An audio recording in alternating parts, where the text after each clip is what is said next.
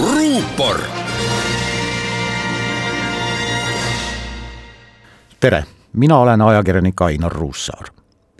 Eesti peaministri Kaja Kallase praegu kestvat visiiti Ukrainasse panevad sealsed inimesed ilmselt vähe tähele.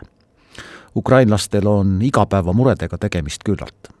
siiski on see visiit oluline, iga taoline külaskäik Ukrainasse on oluline, kuna meie ja kõigi lääneriikide toetus ei ole ühesuunaline seda toetust ei vaja ainult Ukraina, vaid ka Lääs vajab kaasaegset, avatud ja ausat Ukrainat.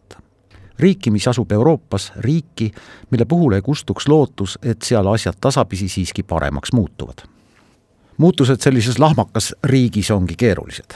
Nende muutuste läbiviimine on palju keerulisem, kui paljud inimesed Eestis seda viis aastat tagasi arvata oskasid. üheks suuremaks ja ühiskonda ussina närivaks probleemiks Ukrainas on korruptsioon seda on kõikjal ja see mõjutab igaüht koristajast koolidirektorini, taksojuhist tudengini ning ettevõtjast elektrikuni.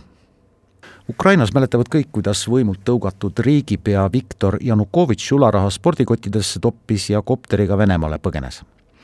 keegi ei kahtle, et see oli aastakümnete jooksul Ukraina ladvikusse juurdunud korruptsiooni musternäide üks Kiievis tegutsev Eesti ettevõte kirjeldas mulle, kuidas paiguti on asi hullemakski läinud see, et aeg-ajalt tuleb ettevõtlusega tegelemiseks ametnikule või omavalitsustegelasele altkäemaksu anda, on selles riigis paiguti loomulik.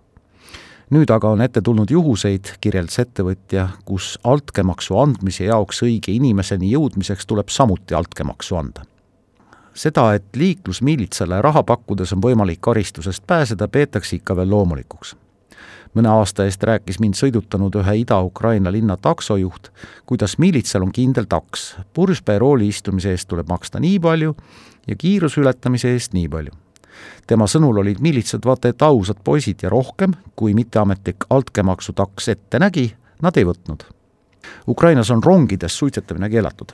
selle eest hoiatavad tamburis ametlikud sildid kümne-eurose trahviga aga kui vagunisaatjale kümme eurot ära maksta, siis võib suitsetada palju süda lustib. ja nii edasi ja nii edasi. Ukrainale ja ukrainlastele tuleb soovida vaid kindlameelsust. reformid ei edene loodetud kiirusega, sõda Venemaaga käib ikka veel ja see kurnab majandust. jõukus ei kasva nii kiiresti, kui rahvas sooviks ja ametnike omavoli on kohati kindla müüriga kaitstud. Ukraina on küll edenenud, aga väikeste sammudega nüüd on ka pandeemia vajutanud selle riigi keerulisele elule uue ränga pitseri. tuleb nõustuda Eesti valitsusjuhiga, kes Kiievis oma Ukraina kolleegiga kohtudes kinnitas, et parim vastus Venemaa agressioonile ongi reformide õnnestumine esimesed märgid korruptsiooni taandumisest on juba näha Ukraina armees. relv käes oma riigi eest võidelnud mehed lihtsalt ei luba enda kõrvale korrumpeerunud sõjaväelasi Eesti on oma idapartnerluse poliitika raames Ukrainat julgustanud ja aidanud juba aastaid. kinnitanud, et ei lepi Krimmi okupeerimisega. ilmselt ongi kõige olulisem julgustada ukrainlasi mitte peatuma, mitte käega lööma.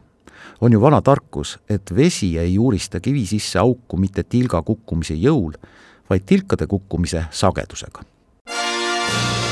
ruupor